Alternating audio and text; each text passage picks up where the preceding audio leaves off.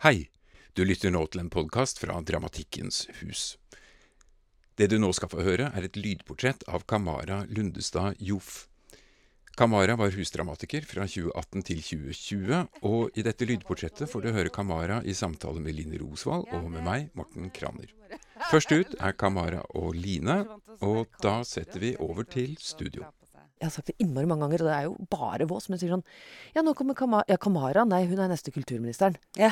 Jeg sier det liksom hele tida. Og så tenker jeg nå har jeg sagt det så mange ganger at det er jævla rart det, er egentlig at jeg driver og tuller med det. Er du den neste kulturministeren? Å gud, jeg håper ikke det. Høres ut som en veldig utakknemlig jobb. Men du er i det strategiutvalget. ja, jeg er i scenekunststrategiutvalget. Så sitter jeg og rådet for Norsk kulturråd. Eh, så det er jo mye Mange møter med kulturministre. Det har jeg vel. eh, Men du råder jo. Det er sånn eh, litt av en rolle. For hos oss er du den Skriver du på loftet liksom av mange gule Post-It-lapper. Ja. Men i departementet så bestemmer du og, og, før, og snakker om eh, dytter, og snakker om hvordan penger, penger skal plasseres og Ja, jeg prøver jo ofte å liksom alltid understreke, i, litt sånn som når man sitter i rådet også, at man er jo jævlig inhabil hele tiden. Er jo plutselig. Når man skal insistere på å være overalt hele tiden. Men eh, jeg vet ikke, jeg har brukt så mange år på å tenke at eh, liksom Meningen med Meningen med politikken og meningen med liksom strukturen og kulturlivet at jeg var så opptatt at jeg hadde lyst til å snakke med de som hadde makt, og eh, tenke at jeg jobbet som liksom konsulent inn Det første jeg gjorde, var liksom mangfoldsåret 2008. Da var jeg 20 år gammel og jobbet inn mot Trond Giske. Eh, så det å liksom alltid skulle eh, råde i makta, var liksom det jeg tenkte at hvis du kan få de med makt til å, til å se et større perspektiv eller ta betraktninger som de ikke har hatt før, hvis du kan komme liksom og bidra med det, så har du gjort et eller annet som er viktig.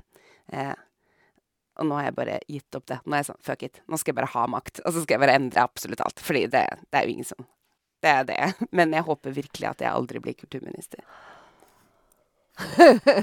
Men du er dramatiker. Ja. Hva skriver du på for tida? Hvor brenner det? Åh, akkurat nå brenner det i dette um, Jeg skriver et verk for uh, unge kvinner med minoritetsbakgrunn i 20-årene. Jeg prøver å være veldig sånn nøye med hvem er publikummet mitt. Hvorfor skriver jeg, og hvem skriver jeg til? Hva vil jeg at de skal uh, få ut av dette, og hvem skriver teater for dem? Hvem skriver teater for hvem?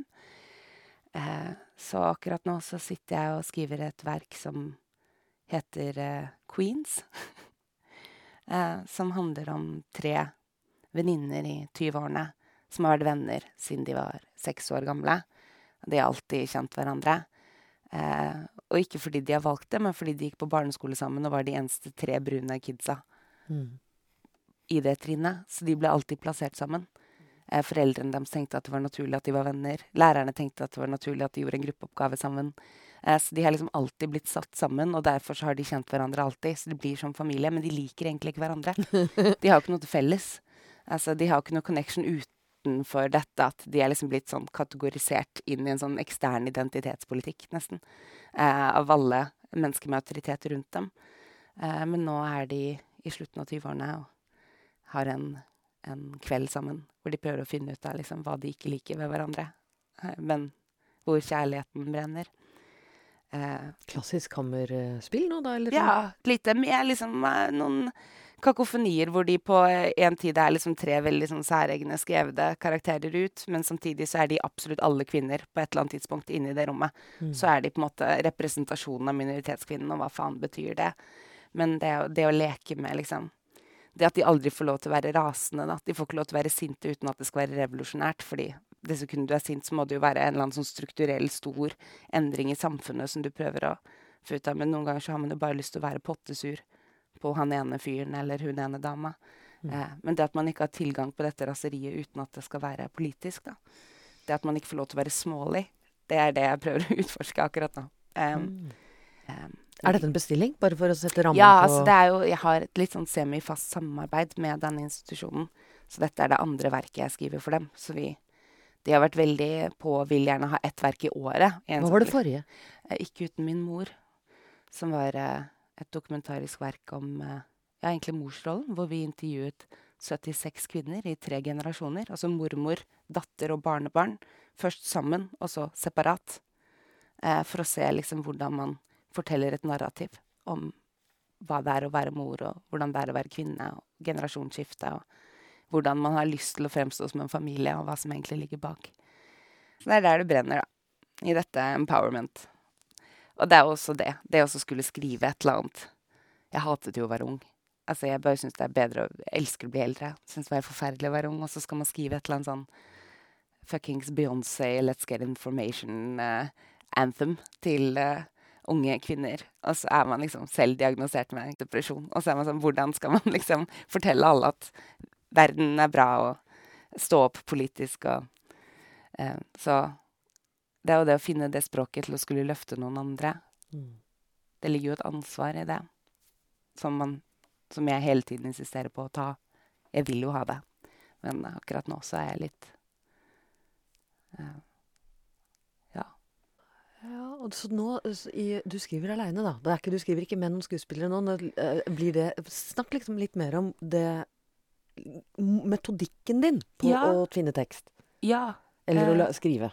Nei, akkurat nå driver jeg og eh, Siden jeg, jeg sliter litt med denne empowerment-inspirasjonen, så driver jeg nå som research og inviterer de mest inspirerende menneskene jeg vet, på middag hjemme hos meg.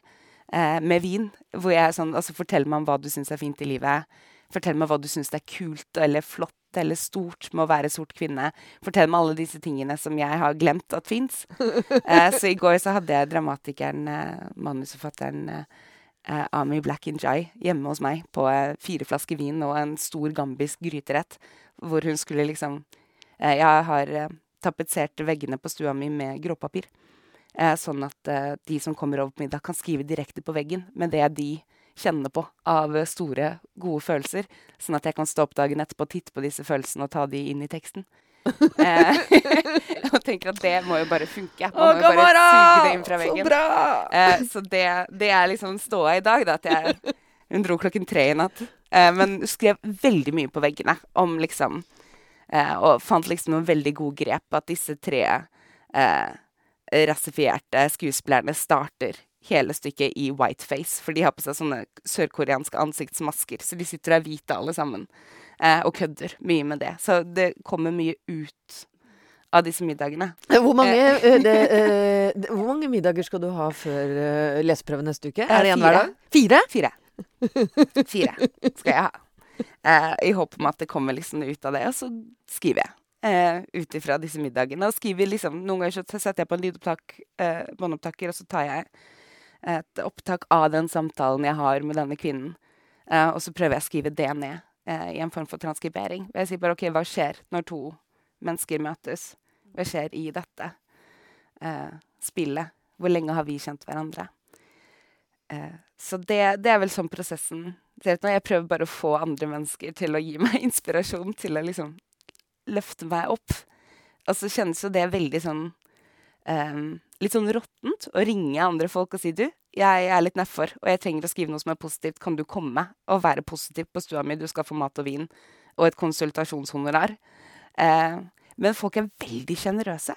Folk er bare skikkelig villige til bare ja, få mat og vin. Jeg trenger ikke honorar. Bare jo, jo, det er viktig for meg liksom å, å lønne folk, fordi jeg tar jo jeg tar jo hvem de er, og bruker det inn i en tekst. Det kjennes jo litt som en sånn kannibalisme, nesten. Men, uh, men folk er bare kjempefleksible og sier ja, herregud, jeg kommer, hva vil du snakke om? Gud, 20-årene, helt jævlig, men nå skal du høre en morsom anekdote. Første gangen jeg fikk orgasme med en partner, var sånn.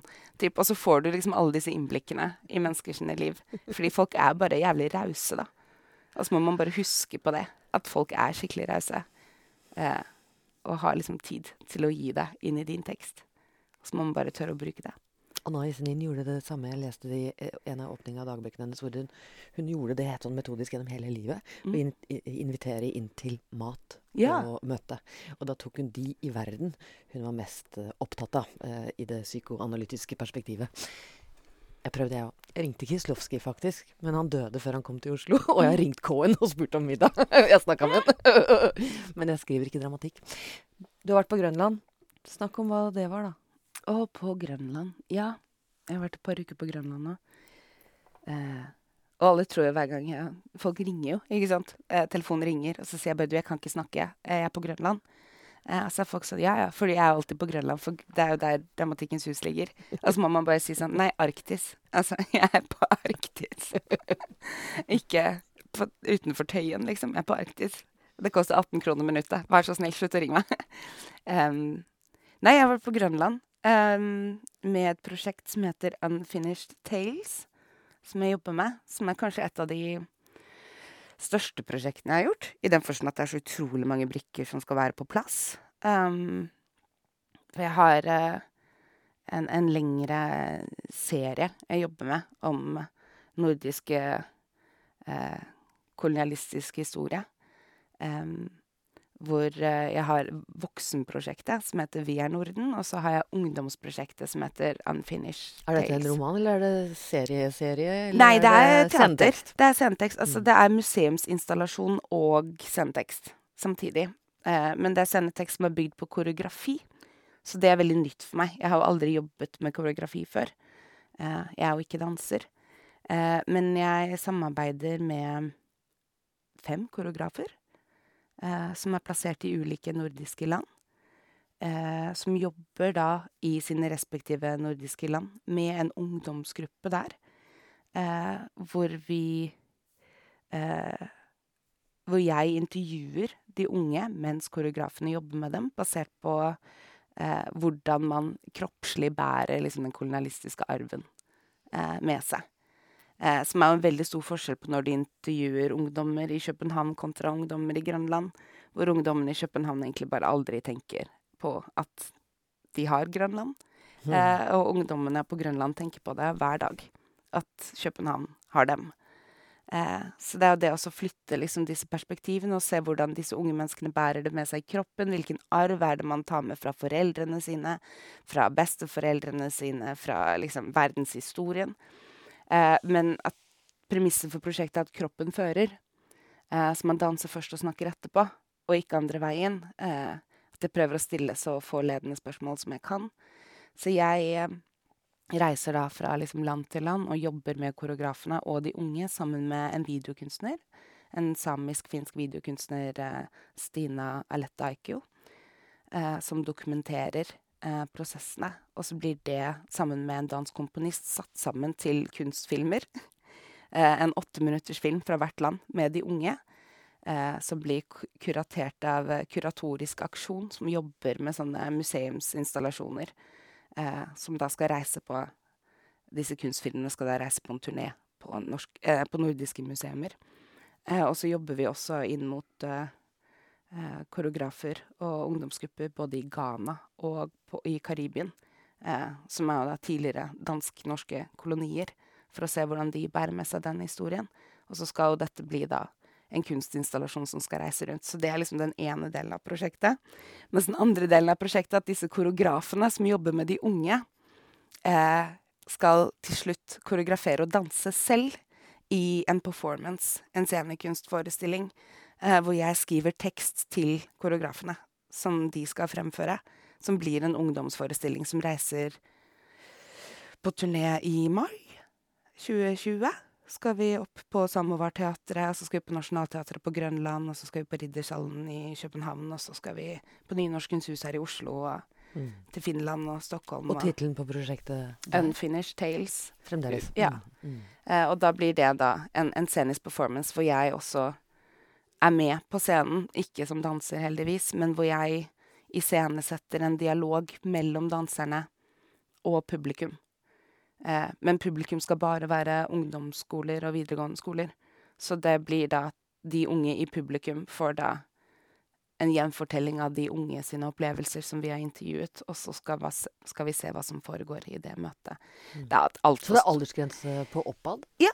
Kommer ikke inn, jeg. Jeg er blitt for Mm, gammel. Du skal få lov til å komme hvis du vil.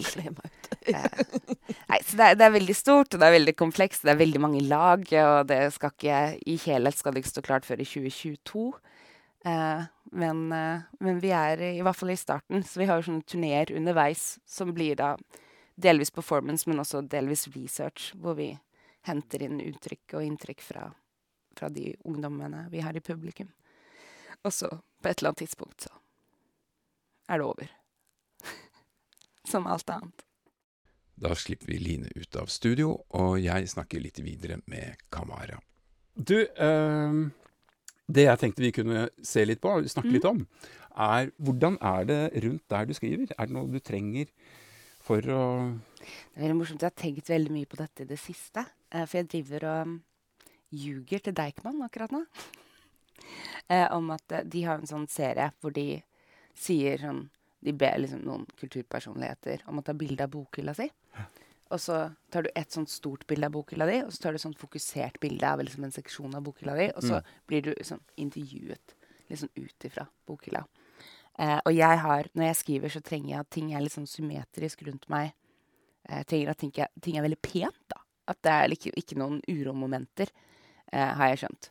Eh, som egentlig bare er prokastinering, for da får du lov til å rydde hele tiden. Eh, så det jeg gjør når jeg skriver, er at jeg fargesorterer bokhylla mi. Eh, for å komme meg unna ting. Eh, og det er jo noe som gir meg mye indre ro. Eh, men som er veldig flaut det sekundet Deichman skal ha et bilde av bokhylla di. Eh, så vil du jo være en person som har ting kategorisert ut ifra skjønnlitteratur og sakprosa, alfabetisert. Du har ikke lyst til å være en sånn interiørdude som De hvite bøkene står der, og så går det over til grått, og så går det over til sort, og så går det over til blått, og så går det over til Du har ikke lyst til å være henne. Eh, men jeg har ikke tid akkurat nå til å kategorisere bokhylla mi på en smart måte, så jeg driver og later som at jeg er i utlandet, sånn at jeg ikke får tatt bilde av bokhylla mi til Deichman. Jeg beklager, fortsatt på Grønland. Men jeg har vært hjemme i to uker nå.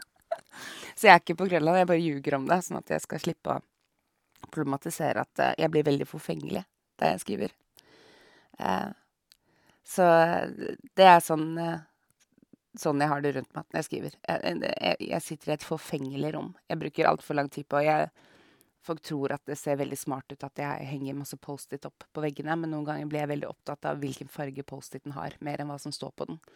Altså denne her type Gud.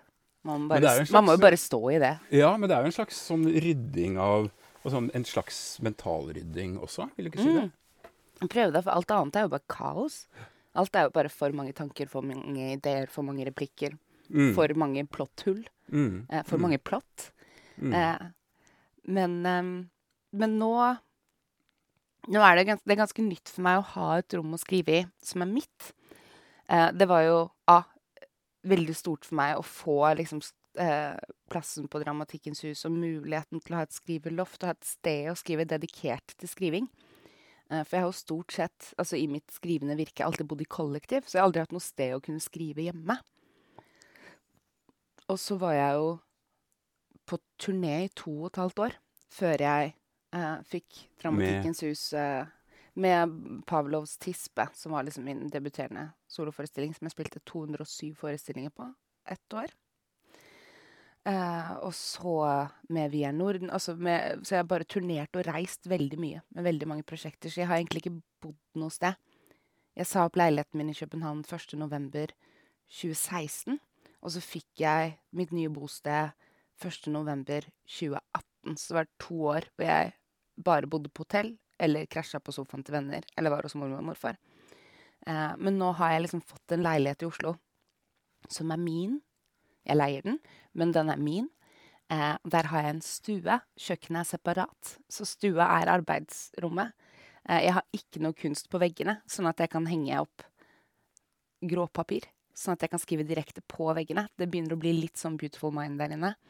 Eh, men det, det å kunne dedikere det rommet så tydelig til skriving, og det å ha en planløsning i leiligheten som betyr at hvis jeg har bestemt meg for ikke å jobbe den dagen, så kan jeg gå rundt i leiligheten uten å sette føttene mine på stua.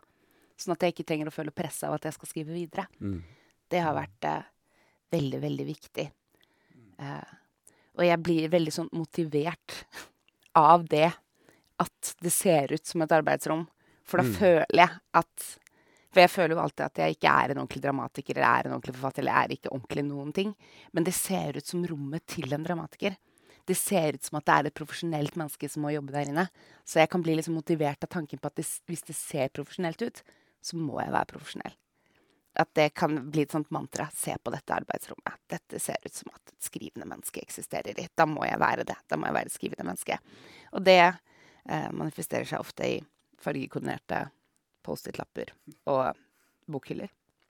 Men jeg syns det ser ut som et, et kunstmenneske bor der, og da må jeg være et kunstmenneske. Men det er vel kanskje også litt sånn at Eller det er spørsmål, da. eh, At når man har et arbeidsrom eller et atelier eller et studio, og at det er også et sted hvor prosessen er. Mm. Opplever du det litt sånn at, at der i det rommet bor prosessen? Så, Ja. så kan du gå fra prosessen Ja. og komme tilbake til den også, kanskje? Ja, i veldig stor grad. At det Jeg føler at det, det er også litt sånn fake it till you make it. At du liksom bestemmer deg at det er en prosess i rommet, og så blir det sånn. Mm. Um, at uh, når folk kommer på besøk og stopper opp og sier 'oi, ja, her bor du alene og skriver', Mm. og så blir jeg sånn 'yes, det er helt sant, det gjør jeg'. Mm. Fordi du så det. Fordi jeg har lagt det til rette for at man skal tenke det. Ja, ja. Eh, men det gjør jo det at hver gang man går inn i det rommet, eh, så er man litt på jobb, da. Ja. Og det er veldig deilig. Eh, at eh, de ytre betingelsene eh, konsentrerer deg litt og Mm. sier liksom 'dette er her Mm. det skjer'. Der står prosessen og Ja, venter på deg. Den står og venter. Den er skribla på veggen, den. Ja. Eh, og du må bare skrive deg inn i den. Ja, og og når du går inn der, så er du i prosessen. Ja. Og når jeg går ut av den, så kan jeg gå på kjøkkenet, og så kan jeg gå på soverommet, eller så kan jeg gå på balkongen, og så kan jeg se på Netflix, eller lese Mm. noe annet som ikke har med det som skjer i det rommet å gjøre. Mm. Nei, så det er jo det å prøve å bygge et eller annet Og det er jo for, jeg tenker fordi det å skrive er jo både ensomt, eh, men det er også noe som kjennes litt sånn brutalt i det. Spesielt liksom, det at jeg jobber som dokumentariker, og det at jeg må Jeg har brukt mye tid på å intervjue andre mennesker eh, i verkene mine. Og da ligger det noe sånn veldig sånne klare liksom, etiske retningslinjer man følger når man bruker et annet menneske som subjekt. Eh, men jeg jobber jo også veldig mye selvbiografisk, og det tok veldig lang tid før jeg skjønte at jeg må bruke de samme etiske retningslinjene når jeg bruker meg selv som subjekt. At jeg faktisk har det, eh, det etiske ansvaret overfor meg selv også, som skapende kunstner. At man må utøve omsorg mot seg selv når man skriver. Eh, det å sørge for at man har det litt hyggelig, at det er litt varmt rundt seg, mens man noen ganger når man skriver, så kjennes det litt ut som at man driver med selvskading eller utøver vold mot seg selv. Det å prøve å sette alle disse veldig sånn overfladiske eh, faktorene rundt seg, om du så et henne i peisen, eller sørge for at ting er pent og hyggelig, eller gi deg selv takeaway og slippe å lage mat. Altså alle disse tingene som man gir som sånne små gaver til seg selv. At det er så viktig for å huske at dette må være en kjærlighetsjobb. Det må være en kjærlighetsjobb når man skriver. Hvis ikke så er du jo bare en masochist, og da kunne du like gjerne bare blitt spanka på en scene og tjent mer penger. Um, så det, det å huske på det, det tror jeg er Det er der liksom Noen ganger gjør jeg narr av meg selv fordi jeg tenker det er forfengelig. Men i bunn og grunn så tenker jeg at det egentlig er kjærlighet. Den eh, kjærligheten man må utøve for sitt skrivende jeg. Og det ligger jo ikke bare i det skrivende, men det ligger jo også det å jobbe politisk. Altså antirasismen, liksom. Det som er jo det jeg driver og dedikerer dette livet til. Um, for det er jo liksom denne floskelen som folk kaster ut, tenker jeg. Denne, altså Hver gang man snakker om antirasisme, så er det noen som kommer med sånn Ja, Martin Luther King. Bla, bla, bla, bla. bla. Eh, og Martin Luther King, han sa liksom Man kan ikke fordrive hat med hat. Bare liksom eh, Kjærlighet kan fordrive hatet. Um, og så blir jeg sånn Jo da. Ja. Selvfølgelig. Selvfølgelig. Eh, men, men selvfølgelig er det kjærlighet som Men den kjærlighetsjobben, det den koster altså det, er ikke en, det, det er et kjempearbeid. Denne kjærlighetsjobben som du alltid skal liksom bruke inn som noe konstruktivt, som noe revolusjonært, som noe som skal gi og løfte og lyse. Eh, dritslitsomt. Eh, det koster som faen. Så derfor må man liksom utøve denne kjærlighetsjobben mot seg selv også. Eh, alle disse plattitudene om at liksom i en verden som ikke vil ha deg, så er det å utøve self-care liksom en act of revolution. At det er liksom revolusjonerende å ta vare på seg selv i en verden som, som driver og slår deg ned. Eh, men, men jeg tror på det. Eh, men vi må også være ærlige om hva den kjærlighetssummen koster. Og man må få lov til å være litt forfengelig i hvordan man skal utøve den overfor seg selv. Og det tenker jeg liksom at både det skrivende er en like stor kjærlighetserklæring som det antirasistiske. Men for meg så går de jo litt hånd, i hånd. Jeg klarer jo bare å skrive om én ting. Men tilbake til de etiske rammene du snakket om i sted. Kan du si noe mer spesifikt om, om det? Jeg ledet et eh, en sånn samtalegruppeprosjekt. Sånn intervjuprosjekt hvor jeg reiste rundt eh, eh, sammen med en dansk teatersjef. som var liksom støttet av Nordisk, et, et, et oppdrag vi gjorde sånn for Nordisk ministerråd, som var å liksom intervjue eh, hva er det man kaller det, publikumsinndragende kunstnere. Altså kunstnere som jobber med ikke-kunstnere. Eh, ikke-kunstnere. Som jobber med virkelige mennesker på scenen, eller i tekst, eller i hvordan det er. Og da reiste jeg rundt og intervjuet dem om prosess, og hadde liksom sånn 15 av gangen eller 5 av gangen i sånn samtalegruppe. Vi brukte tre dager sammen og gikk gjennom liksom alle For det er jo et veldig ensomt arbeid. Det er veldig sjeldent at det arbeidet er støttet av en institusjon. Det er ofte frilansere som gjør det. Eh, og da prøvde jeg å kartlegge altså de etiske fallgruvene eh, som kan skje når man frilanser og tar kontakt med sårbare mennesker. Og da måtte jeg konkludere eh, eh, etter det prosjektet med at noen ganger eh, Ta f.eks. alle disse kunstnerne som har lyst til å reise inn på asylmottak og jobbe med barn og få deres historie fortalt. Og, eh, at det at kunstneren kommer inn, eh, jobber der i tre måneder, skaper en kobling med disse barna, ser dem, får dem til å føle seg hørt, eh, gir dem liksom et lys, og så drar igjen, kan være mer traumatiserende for barnet enn hvis de aldri hadde kommet til utgangspunktet. Og at selv om kunstprosjektet kan bli fabelaktig og rørende og viktig for samfunnet fordi vi trenger å høre disse historiene, så er det en enorm pris å be disse barna om å bære for at vi skal få noe ut av dette kunstprosjektet. Så jeg måtte dessverre liksom konkludere med at mange av de prosjektene ikke burde funnet sted. Eh, av etiske retningslinjer overfor subjektene. Disse barna, da. Denne prisen disse barna skal betale for at vi skal få et kunstverk, kan være for stor. Eh, så det er jo noe jeg bruker veldig mye tid på å tenke på. Altså, er prisen fordi jeg vil fortelle historien til for stor? Eller er historien viktig nok til at den fortjener å bli fortalt uansett? Eh, hvem er jeg til å sette den personen i den situasjonen? Og hvordan kan jeg være helt sikker på at de får en form for råderett og autonomi over sin egen, eh, egen biografi? Eh, så jeg er jo der hvor veldig mange som jeg jobber med, også syns er litt sånn sinnssykt. For jeg gir jo alle menneskene som jeg, eh, som jeg bruker i mine prosjekter, har mulighet til liksom inntil premieredagen kutte prosjektet og si ikke gi ut boka. Trekk boka. Eh, trekk eh, forestillingen. Eh, Kansellere intervjuet. Altså at jeg, jeg gir dem den muligheten, selv om det er penger forpliktet til det, selv om det er en dato og utgivelsesdato eh, satt. At den, den råderetten over egen historie skal de få lov til å eie 100% og ha. Eh, og så er det en risk jeg som kunstner eh, må ta, da. At prosjektet mitt bare ikke blir noe av, og så har jeg et rapporteringsproblem, liksom. Um, og det bruker jeg veldig mye tid på å, å sørge for at de prosessene kan være tilrettelagt. Eh, forsvarlig. Også siden jeg bruker min egen familie så ofte. Eh, og jeg vil jo gjerne bli invitert hjem til jul.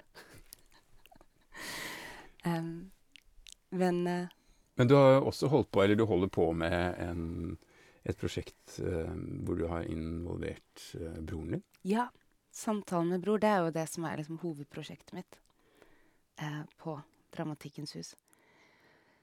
Og det har jo vært en, eh, en lang reise. Jeg husker jo når jeg skrev liksom søknaden til Dramatikkens hus eh, om at jeg ville bli husdramatiker, som jeg aldri trodde jeg skulle bli, som jeg tenkte liksom at nå vil jeg bare at de skal ha meg på radaren. At de skal vite hvem jeg er, sånn at når jeg søker igjen om to år, så tenker de 'hun er på'. Eh, men, eh, men så var jeg så heldig at jeg, at jeg fikk den plassen. Men da husker at jeg skrev i den søknaden at dette prosjektet er det ikke sikkert at blir noe av. Eh, Men det jeg trenger, er tid og tillit. Eh, og penger. Eh, men tid, tillit og penger er det jeg trenger. Og det har jeg Det har vært litt sånn satt ut over i, i hvor stor grad dere bare fulgte opp på det da, på Dramatikkens hus, og sa bare jo, nei, men den tiden, den tar du.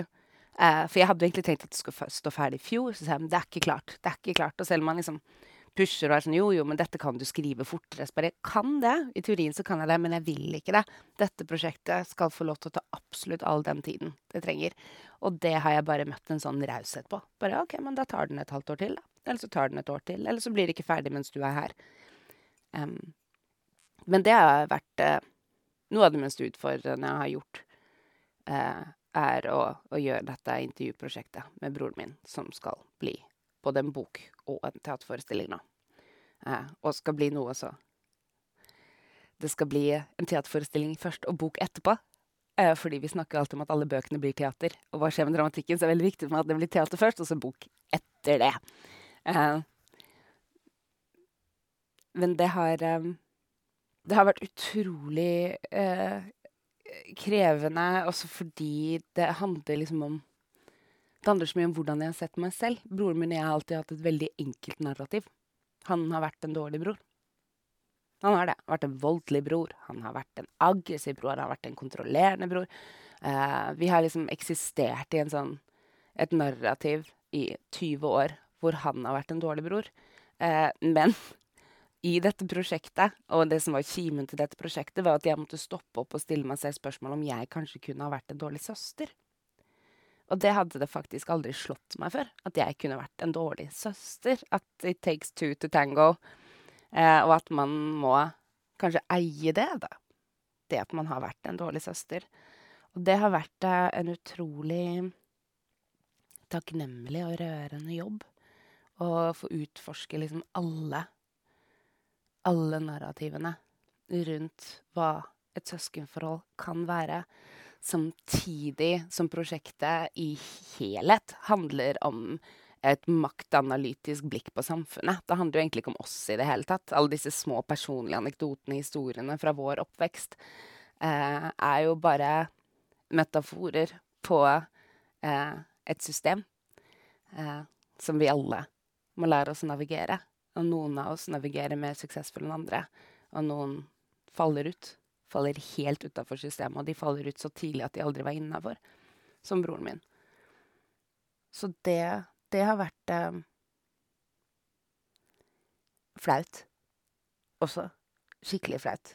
Eh, fordi jeg, som jeg skriver om, jeg har skrevet denne ene boka, som jeg brukte mine første liksom, tre måneder som husdramatiker på å skrive en bok.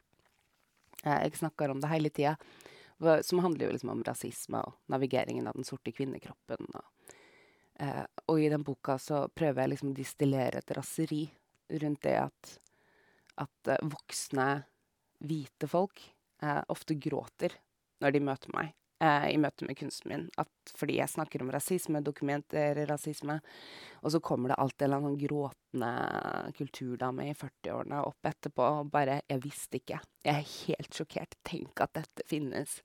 Tenk at Nei, jeg, jeg visste ikke. Eh, og så blir man takknemlig fordi det betyr at kunsten funker, at samtalene funker, at man når ut. At dette er jo egentlig en suksess.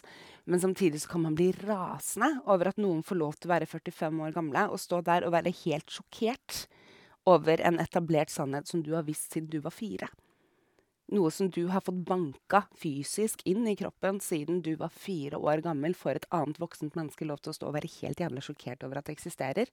Og hvem faen er du som får lov til å navigere kroppen din såpass smertefritt at du ikke visste dette? Og hvorfor må jeg Altså, det er som kan ta deg litt sånn over uh, i de møtene.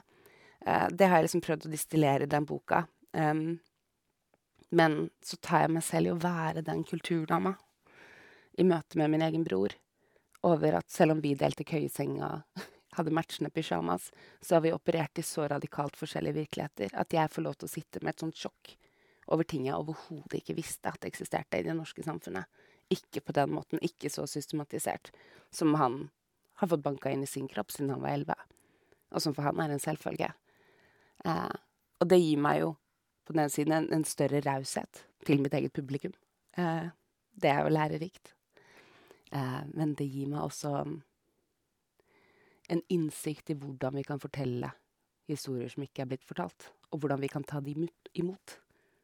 For det er jo også nøkkelen. Hvordan kan vi som lyttere, som publikum, som mennesker ta imot noen andres opplevelse, bagasje, traume, kjærlighet, historie, raseri? Hvordan kan vi være mottakelige for hverandre? Det er jo det jeg har lyst til å finne ut av. Du har hørt en podkast fra Dramatikkens hus 2020.